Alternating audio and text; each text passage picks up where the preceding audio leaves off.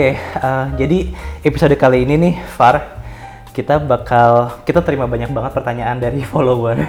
Baru aja di blast tadi siang dan rata-rata pertanyaan ini seputar apa ya?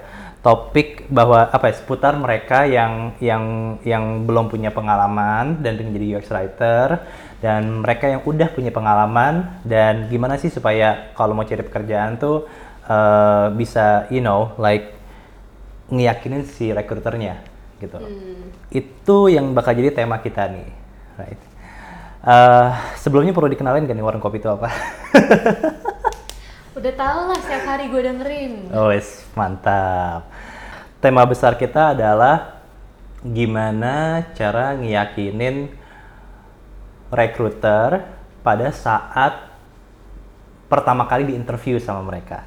Nah, hmm. Tapi kan belum ada, belum tentu ada yang apa ya belum semua orang tuh tahu step by stepnya tuh gimana sih dalam sebuah rekrutmen mm. ya kan jadi mungkin boleh diceritain dulu tuh step by stepnya tuh gimana oke okay.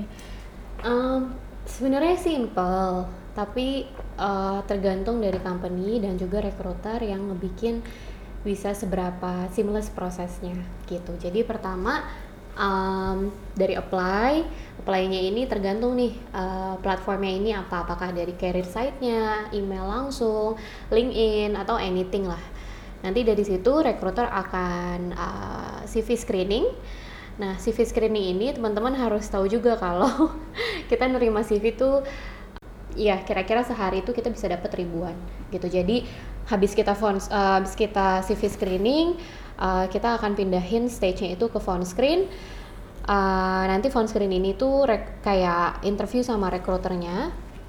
Terus kita akan filter lagi dan kita akan kasih ke usernya gitu. Nanti baru akan ada interview sama user yang tergantung dari posisinya akan ada berapa banyak stage-nya gitu. Nanti kalau memang uh, nggak uh, cocok akan diinfo, mm -hmm. uh, akan biasanya akan dikirim rejection email. Mm -hmm. Kalau lanjut uh, nanti lah, tahap ke selanjutnya biasanya itu ada offering and then habis offering selesai tinggal sign uh, agreement terus tinggal tunggu notice period join hmm. deh gitu oke okay. tapi kayaknya kalau denger step by step tadi tuh kayaknya mudah gitu ya hmm. kayak oh udah tahu nih pertamanya uh, di apa CV udah gitu berujung di offering join gitu kan nah hmm. cuman kan pertanyaan ini apa ya uh, gimana caranya ngelewatin step by stepnya itu? Dan nggak hmm. semua orang tuh berhasil bahkan di step pertama ya kan? Tadi apa step pertamanya sebelum CV apply. Appl oh ya apply gimana sih pak?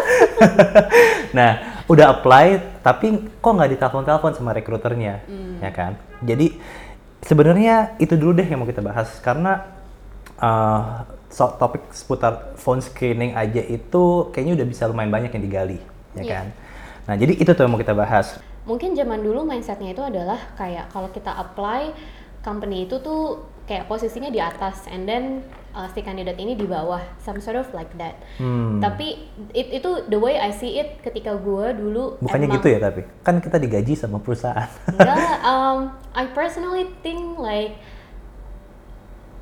ini ekosistem. Kayak kalau nggak ada company, oke okay, kita nggak kita nggak ada yang bayar, kita nggak punya exposure, kita nggak punya experience. Tapi si company kalau nggak ada employee ya lu bisa apa? Yeah. Gitu. Jadi okay. menurut gue nggak ada yang lebih superior even dari uh, orang yang stranger yang belum masuk. Okay. Karena I personally think the way I treat my candidate is like I'm human, you also human, and we need each other. And if you good, then okay we'll hire you. If not, then um, maybe next time. Gitu. Oke. Okay. Gitu. Jadi uh, ini yang pengen banget gue lebih uh, emphasize kalau kita kalau kita apply ke satu, misalkan gue apply ke um, salah satu startup di uh, Silicon Valley misalkan. Yeah. It is way much bigger than my current company dan segala macam. Misalkan udah global, udah IPO dan segala macam. Tapi um, bukan berarti mereka bisa treat me like I'm I'm nothing gitu. Oke. Okay. Jadi um, ini penting banget untuk teman-teman terutama teman-teman yang masih fresh grads. Don't worry about it. Um, you you apa ya kayak everyone have their own baggage. Iya. Yeah. Kayak dan lu punya pride juga lu punya pride sendiri gitu and and you should you should have it gitu. Yeah. Dan masalah um, kayak misalkan dia reject Hmm. dan segala macam it's it's not entirely because of the candidate bisa jadi It's memang not entirely their fault gitu ya. Iya, gitu. Jadi hiring is not it's not about right or uh, Hmm. wrong gitu loh. Hmm. Karena walaupun jujur ya, even kita pilih uh, satu dari 100, yang satu ini tuh yang kita pilih belum tentu 100% benar sesuai Yeah. assessment kita. Hmm. So that's why di company pun juga nanti ada kayak probation, Yeah. performance review Yeah. yang nanti akan direview lebih Oke, gitu. oke, Jadi, got it. Mhm. um, yeah, I mean like uh, Berarti lo pengen aja ngasih terus kalau belum Oke. belum keterima. Tapi kan oke, di satu sisi lo pengen ngasih pesan bahwa don't lose hope ya buat para kandidat ini yang udah apply tapi nggak ada nggak dapet telepon atau yang udah ditelepon tapi nggak ketemu sama nggak lanjut sampai ke tahap interview dengan user ya Ya. kan. Tapi di sisi lain sebenarnya oke ya gua nggak akan lose hope tapi I want to nail this gitu Hmm. ya kan. Misalkan Bukalapak adalah salah satu cita-cita mereka ya kan. Hmm. Company yang dipandang banget sama mereka. Kalau nggak dapet ya it's natural to lose hope sebenarnya Hmm. gitu. Jadi the question is gimana supaya gua itu nggak sampai lose that hope. Gimana cara gue bisa nail this interview? Eh sorry, iya nail this interview bareng recruiter dulu berarti Hmm. kan, phone screening. Em, kita tuh sebenarnya belum belum apa ya, belum bilang seberapa penting ini sih. Maksud maksudnya phone screening ini kan biasanya berapa lama sih durasinya? Um, eh, 10 menit, 15, 30, 1 jam? lebih sih rata-rata sih Satu setengah jam? rata-rata 20 sampai 30 menit. Oh oke, And even kalau more senior, ya mereka biasanya lebih banyak nanya juga ke kita. itu Gitu. yang bikin lama. Itu yang bikin lama. Oh karena kalau yang belum berpengalaman Lebih sering kali tuh dengerin, dengerin. dan oh iya kak gitu ya. Iya. Oke oke oke oke. Nah tapi that 20 to 30 minutes can mean the world right? Iya. Karena sebelum lu ketemu dengan user, sebelum lu dapat apa nilai offer Hmm. dan lain-lainnya, this is the The first time of everything. Iya, the first of for everything Iya. gitu. Dan apa namanya? Ya itu pen- sepenting itu gitu kan ya. Gue Hmm. cuma pengen just wanna put it out there. Oke, em, kita udah dapat banyak pertanyaan nih sebenarnya ya. So we Hmm. don't wanna waste our time. Eh, diminum dulu. It's okay. I can take it. Nah, em, ada yang nanya sebenarnya ini, jadi ya gini, ada, salah satunya ada yang nanya apa yang mesti disiapin sebelum berhadapan sama recruiter Eh, untuk entry level. Ini mungkin lo Research bisa recruiternya siapa? re- research. Oh gitu ya, recruiternya siapa sama rek- re- sama company-nya apa? Iya, Nah. iya, iya. I mean definitely research sih of everything that you need to know.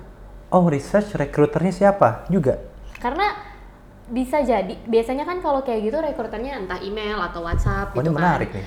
Um, kalau gue gini sih, um, kita dari stranger to stranger, tapi gue tuh banyak banget uh, nelfon orang atau dia apply yang dia tuh mungkin udah tahu kayak gue siapa karena kita punya uh, circle yang sama atau closest friends yang sama Iya. gitu. Yang itu tuh bisa jadi bahan bakar kalian juga pas lagi ngobrol sama recruiter. Hmm. Jadi bukannya ini apa namanya politik ya? Tapi itu manfaatnya gimana supaya bisa nyocokin tonalitinya atau supaya bisa apa nih manfaatnya kalau gue udah tahu oh researchernya Farah Halika gitu. Kok researchernya? Eh researcher. gue udah nge-research. Gue udah nge-research recruiter dan recruiternya Farah Halika. Iya. Nah, tapi apa tuh manfaatnya buat gue sebagai kandidat yang entry level nih? Research itu penting dan salah satunya setelah lo research company-nya, terus uh, apa namanya recruiternya, terus pokoknya anything anything yang lo pengen research, gue tuh kepikirannya kayak kita bener-bener nggak tahu kalau kita hasil researchnya itu siapa tahu memang berguna gitu karena gue pribadi kalau gue zaman dulu itu gue selalu kayak misalkan ada recruiter yang kontak gue terus gue tuh cari tahu ini orang tuh backgroundnya kayak gimana sih Iya. terus em, siapa tahu misalkan kayak contohnya dia itu pernah kerja di uh, salah satu kantor yang dulu tuh dia pernah kerja sama dulu bosnya dia tuh kita kita sharing bos gitu Hmm. and then abis kita ngobrol-ngobrol terus udah selesai interviewnya terus gue waktu itu kayak sempat basa-basi yang kayak eh dulu kerja di ini ya dulu uh, di timnya si A juga gitu Tapi udah experience dong kandidatnya kalau gitu kan? kalau untuk entry level mungkin bukan yang direct eh, apa namanya pernah kerja bareng atau segala macam enggak tapi lebih ke just just for you to know kayak siapa sih yang akan nelfon gue backgroundnya orang ini tuh seperti apa sih Mhm. gitu jadi I feel like uh, it can be a good addition for you to prepare things aja sih gitu Hmm, karena ka- kayaknya tuh itu emang generally speaking begitu ya sebenarnya kan. Mau mau ketemu rekrut rekruter atau ketemu user. user, atau bos-bos yang lain iya, jadi atau dosen iya atau jadi maksud siapa pun gue gitu.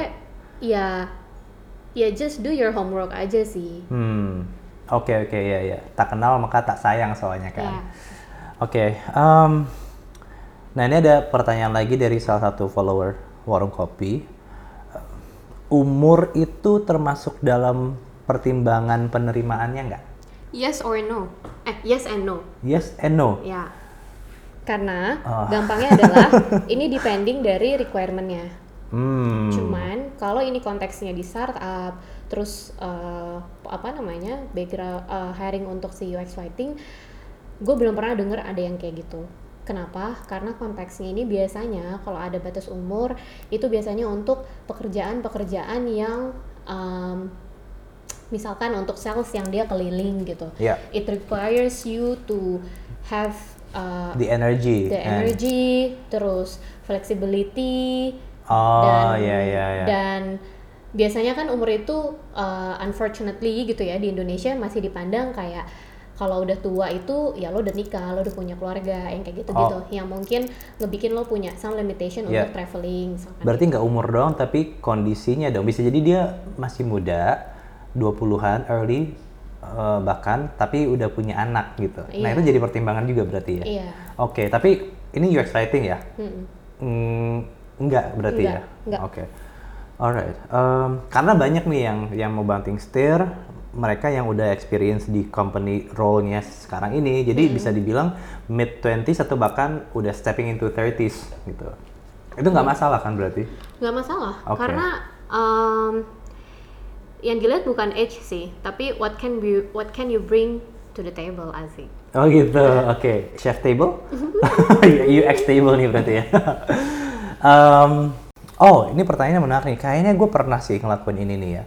Is it okay to apply buat dua posisi di satu perusahaan yang sama at the same time?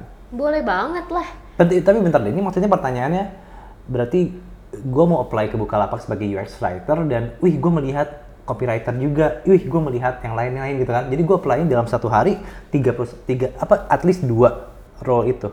Itu nggak apa-apa. nggak apa-apa karena namanya juga kita Tapi apply. jujur deh, lu sebagai recruiter ngerasa ini nggak sih? Ih, apaan sih kok nggak kok nggak konsisten banget? Lu maunya apa gitu? Gitu nggak? enggak Oh gitu ya? enggak Oke. tapi gue justru lebih ngelihat kayak oh ini orang banyak mau ya ingat canda Hey, don't lose hope ya guys. oh enggak kayak oh ini orang mungkin dia masih belum tahu mau ke mana Hmm. so they actually need my help oh, That's oh, that's actu- that's very nice ya. ya gue nggak tahu sih kalau yang lain. Cuman I feel like uh, one of my job is to help people emang to have a better life through job to to to to get a job. Dan satu lagi emang bagi teman-teman yang memang masih belum tahu dan memang butuh uh, I feel like I I personally feel like and I also tell my team untuk kayak um, kita tuh kalau lagi mau phone screen nggak lah kita nggak harus necessarily langsung interview kita bisa jelasin dulu kayak current situation company kita Yeah. what changes about the business plan Yeah. yang nggak confidential for sure yang kayak gitu-gitu jadi Yeah. sebelum interview tuh ada pemanasan kayak gitu dulu that's- gitu yeah, that- jadi um, gue sering banget kok ngeliat yang kayak gitu dan gue lebih ke lempar balik sih sebenarnya kayak kenapa? Apply ke beberapa posisi. Oh, iya, iya, iya, iya. and then uh, dari situ biasanya nanti gue akan lebih kelihatan nih kayak oh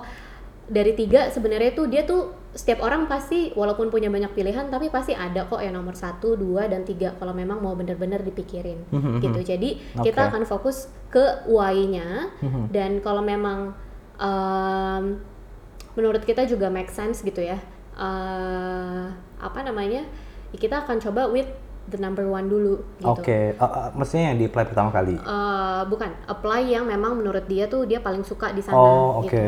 I Tapi see. habis itu eh, kalau misalkan doesn't works out di posisi tersebut, kita bisa coba juga untuk posisi nomor 2 dan 3 gitu. Oke. Karena segampangnya gini sih kayak di recruiter itu kita punya responsibility untuk closing the job. Mhm. Jadi eh, ya ini a mutual benefit gitu untuk candidate dan juga untuk recruiter yang menurut kita tuh ini nggak ngebebanin kita sih Ya, gitu. oke. Eh, berarti mindset yang mesti ditanamin buat para kandidat yang apply lebih dari satu posisi, yaitu jangan berpikir kalau recruiter itu akan ngejudge kalian, ya kan? Kayak apaan sih? Kok banyak banget nggak kayak gitu? Tapi lebih ke mereka eh, bukan ngejudge, tapi mereka they want to help you, right? Eh, jadi tanamkanlah mindset bahwa it's okay to apply more than one, karena itu menunjukkan kalau emang mungkin ya apa namanya? Tadi apa? Eh, Apa ya? ya dia Coba di rewind mas. lagi oke dia masih penasaran specializationnya itu apa Iya. ya kan dia pingin dia pingin tahu nih em, ya mungkin ya dia ngerasa tiga tiganya atau at least dua ini dia bisa gitu. Nah it's it's your job uh, untuk nyari tahu mana yang paling cocok buat dia gitu kan ya. Dan dia pun bakal di challenge di saat phone screen tadi. Yes, yes. oke oke good good.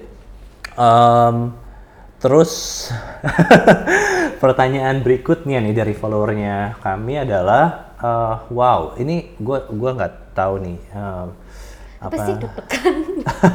jadi ada yang nanya tentang gimana sih caranya kita tahu market rate nah what is market rate gue nggak tahu ya buat role yang kita apply biar nggak apa ya kasarnya itu ini gue nangkepnya supaya kita tuh nggak nggak be fooled, be fooled bahasa Indonesia apa ya? Ditipu atau bukan tipu tapi supaya kita tuh apa ya?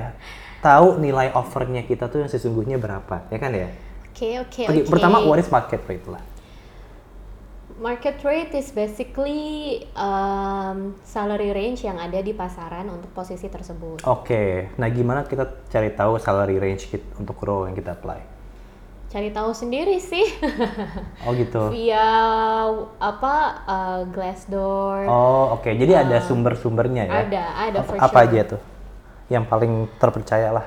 Glassdoor sih. Hmm. Jadi kalau dulu ada kerja.com, cuman so gue kayaknya nggak ada sekarang. Mhm. Uh, pokoknya hal-hal yang kayak gitu uh, bisa dibilang itu benar karena yang ngisi itu para employee atau ex employee yang pernah kerja di perusahaan tersebut Oke, gitu. Tapi Glassdoor. harus dicek juga kalau itu tahun berapa. Karena for some companies every year itu atau ad hoc, ad hoc tuh kayak um, apa sih bahasa Indonesianya? Sementara. Sem bukan sementara, Eh, apa? kayak tiba-tiba gitu. Oh, iya, kayak bukan yang di plan harus ada perubahan salary structure atau salary range karena satu dan lain hal gitu. Jadi kayak misalkan ngelihat uh, associate UX writer di tahun 2017 gajinya 5 juta. Hmm. Nah, itu kan tahun berapa gitu. Jadi harus dibalik harus cari yang memang up to date sama uh, at least satu tahun sebelumnya lah gitu. Jadi nggak beda jauh gitu. Jadi Oke. um, bisa cari tahu di sana atau bisa tahu bisa cari tahu juga dari teman-teman yang mungkin udah kerja di posisi tersebut di Hmm. beberapa startup gitu. Kenapa aku bilang beberapa startup? Karena um, kalau ngelihat di satu doang menurutku itu nggak valid ya gitu. Hmm. dan setiap company itu balik lagi punya benchmarknya masing-masing. Jadi at least kalau punya beberapa comparison misalkan ada 10 ke 20 juta ya coba ambil tengah-tengahnya yang kayak gitu-gitu sih. Tapi gimana tuh ya, meskipun gue punya kenalan di dengan role yang gue apply sama gitu kan, dan apa ya, kan ngomongin market rate, ngomongin salary, gaji, itu kan hal yang sensitif. Cari Kayak yang gue kalau, cari yang teman deket lu lah oke, tapi ini berarti worst case loh ya, yang nggak punya teman deket, yang nggak punya teman deket. Misalkan gue mau apply jadi UX writer, yang nggak punya, gue nggak punya kenalan UX writer gitu. hmm. Berarti kan salah satunya gue bakal mungkin uh, ya apa nih? research tadi research at- atau mungkin kalau gue trying to connect dengan UX writers yang ada di LinkedIn ya kan Iya, yang dari Bukalapak atau apa stranger lah nggak mungkin mereka share ya nggak mungkin mereka share kan kecuali udah kenal kenal pun juga kayaknya mungkin kasarannya lah yang dikasih tahu kisarannya gitu iya Berarti kisarannya Glassdoor aja ya? udah bagus dong dikasih tahu. Hmm, Oke. Tapi ada, oke ini ini karena ngomongin market rate atau salary ini penting banget sih ya. Eh, mereka kayaknya para kandidat kalau ditanya di awal kan kadang-kadang turn off ya buat recruiter ya setahu gue salary-nya berapa. Nah jadi gue punya luxury nih sebagai host untuk bertanya di episode ini. Gue pulang dulu deh. Nah, tapi buat mereka yang gimana ya nih, gue masih penasaran sih untuk nyari tahu gaji yang paling pas buat gue itu berapa. Itu gimana gitu? I mean, gue udah ngecek Glassdoor, tapi kan nggak nggak nggak semua tuh ada di Glassdoor, ya kan? Apalagi UX writing itu kan role yang baru gitu. Hmm. Jadi gimana supaya gue bisa tahu gaji gue yang paling cocok tuh berapa? gitu. Hmm. Oke. Ini konteksnya Yang belum apa? berpengalaman lah. Eh termasuk yang udah berpengalaman mungkin. oh kalau udah berpengalaman harusnya udah lebih punya Oh iya sih. Konteks Yang belum berpengalaman lah. Oke, oke, it's easier for me then. Kalau belum punya pengalaman, satu mindsetnya eh, lo mau belajar. Hmm. Terus kedua, ya lo kalau lo mau belajar doang pasti di kuliah dong. Ya. Jadi kalau mau kerja ya belajar, terus aplikasikan, terus for sure dapat gaji juga Ya. gitu. Nah, gue tuh selalu pengen emphasize ini ke teman-teman yang masih fresh grads. Gue nggak bilang duit tuh nggak penting, muna banget lah gitu. Hmm. Tapi coba put aside itu dan kalau emang lo ngerasa bener-bener butuh banget uh, gaji yang langsung tinggi, ya lo coba sesuaikan sama apa yang lo bisa offer ke company dengan teman-teman fresh grad yang lainnya yang oke dengan gaji fresh grad misalkan. Hmm. Gitu. Jadi misalkan nih gaji fresh grad tuh satu juta misalkan. Jangan deh kesannya gimana banget. Misalkan UMR Enggak nih. lah, iya. misalkan- UMR aja 4 juta kan. Misalkan 4 juta, terus uh, lo pengen lo dikasih tuh langsung 9 juta. Hmm. Nah, ya itu fair-fair aja. Tapi Kalau, hmm. kalau lo punya sesuatu yang beda dengan teman-teman fresh grad yang yang mau digaji 4 juta. Karena kita juga Hmm. punya luxury pilih teman-teman yang gajinya 4 juta loh, yang Iya. mereka juga uh, not bad gitu. Hmm.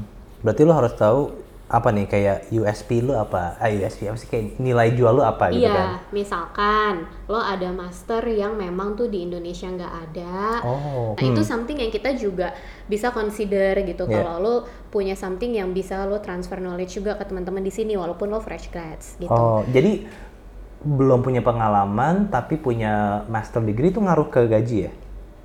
Um, I'm not saying it's always, tapi we can put it as considerations tergantung Hmm. masternya nih kayak gimana. Oke. Gitu. I see. Terus yang kedua, misalkan lo ada beberapa ikutan internship Mhm. eh, yang emang nih first first hands uh, lo punya experience tuh yang bisa dibilang kayak on par gitu sama Yeah. teman-teman yang uh, kerjain di company tersebut Hmm. gitu. Itu definitely a turning point banget sih buat lo bisa uh, istilahnya beda sama teman-teman teman-teman fresh grad yang nggak punya itu. Iya. Gitu. Jadi makanya internship tuh penting banget sih. Oke. Punya degree, uh, punya internship, um, atau ikut apa namanya khusus. bootcamp bootcamp yang kayak Bootcamp. gitu Oke, jadi hal-hal kayak gini tuh bisa lu jual ya saat bisa sih. Saat di interview sama recruiter. iya bisa. Karena kalau misalkan nih lo belum punya pengal lo anak fresh grad lo belum punya pengalaman lo pengen apply di satu posisi tapi lo nggak ada apa-apa yang bisa nunjukin keseriusan lo gitu. Sama lah kayak kita suka nih nih cewek cakep tipe kita tapi ya kita nggak ada usaha buat ngejar nih cewek. Ya percuma dong ceweknya juga nggak mau gitu. Jadi you have to ya kasarnya usaha juga lah walaupun lo belum kerja di mana-mana gitu Iya, oke. Itu kayaknya bagus banget sih ya buat jadi penyemangat tuh karena eh karena sekarang tuh udah lumayan banyak berarti apa ya aksesnya untuk bisa dapetin stronger value tentang Iya. diri lo Iya. ya kan ikutin kursus bahkan kursus yang gratis loh ya kan lebih ngutamain kandidat yang berpengalaman atau kandidat yang background pendidikan itu linear yes and no ya ya gue ada feeling lu bakal jawab kayak gitu sih iya karena balik lagi gini kita di hiring itu ada yang namanya requirement gitu nah tergantung kayak di mana pun juga ada namanya requirement tapi masih ada kan yang nanya kayak gini Iya, iya, adanya iya, iya. masih belum tahu kalau di setiap posisi itu ada requirement-nya gitu. Makanya Hmm. tadi gue bilang yes kalau Requirement ini syarat ya. syarat. Oke. Jadi uh, misalkan yang tadi nih level associate ini memang boleh dari fresh grad sampai yang punya satu tahun pengalaman. Hmm. Ya berarti kita nggak kita akan mengutamakan teman-teman yang fresh grad dan yang punya minimal bukan minimal yang around satu tahun dan kita uh, apa namanya Mhm. uh, tidak memper- tidak memprioritaskan teman-teman yang udah misalkan tiga tahun pengalaman walaupun dia bagus banget Oke. gitu. Tapi kita tapi kita akan melakukan sebaliknya. Kalau kita Hmm. cari yang memang levelnya ini senior, ya kita tidak mengutamakan teman-teman yang fresh grad gitu. Oke. Jadi balik lagi ke memang yang mau dicari itu apa. Jadi ini teman-teman juga penting ya untuk ba- abis baca job desk di di bawah tuh ada tuh requirement gitu. Dilihat dulu gitu. Ini yang penting juga untuk kayak we know how to positioning ourselves. Iya. Bukannya gue ngerasa, bukannya gue bilang kayak yang lebih senior ini always superior tapi dibalikin lagi ke requirementnya. Hmm. Kalau memang requirementnya udah jelas-jelas senior, ditulisnya ini misalkan kayak lima tahun pengalaman, terus teman-teman fresh grad ya menurutku sih bukan tempatnya untuk apply di situ Oke. gitu. Oke, got it. Uh, Oke, Far, thank you banget nih udah nyempetin ke warung kopi dan uh, semoga melalui episode ini bisa menjadi manfaat buat mereka yang lagi nyari banget kerjaan, terutama yang mau jadi UX writer. Tapi gue yakin pun bisa apa namanya dapat info-info juga lah yang berguna untuk role-role yang lain juga bahkan kan. Um, termasuk mereka yang udah berpengalaman untuk bisa tetap I don't know if they want to find a different job, right? This this will be something that's valuable buat mereka juga. Um, any last, you know, words buat pendengar warung kopi? Bukalapak Design is hiring. Oh serius? Oh gitu. Yeah, for sure. Yeah. Bukalapak Design is hiring guys. Oke. So, yeah, let's check it out Di mana? Eh, Ngeceknya di mana? di career site-nya Bukalapak. Hmm. Coba aja di search di Google Bukalapak career site. Oke, termasuk UX writer. Kebetulan itu belum ada pak. Oh gitu, tapi tim desain lagi Tim hiring. desain general lagi hiring. Oke, cool. Ya udah guys, kalau gitu uh, kita tutup dengan informasi barusan tadi Bukalapak Design is is hiring. Uh, ya, yeah. is hiring for the design team apa sih? Oke, Farah, thank you again for joining Warung Thank Kopi. you Edwin. Thank you all for having me. Bye. Bye.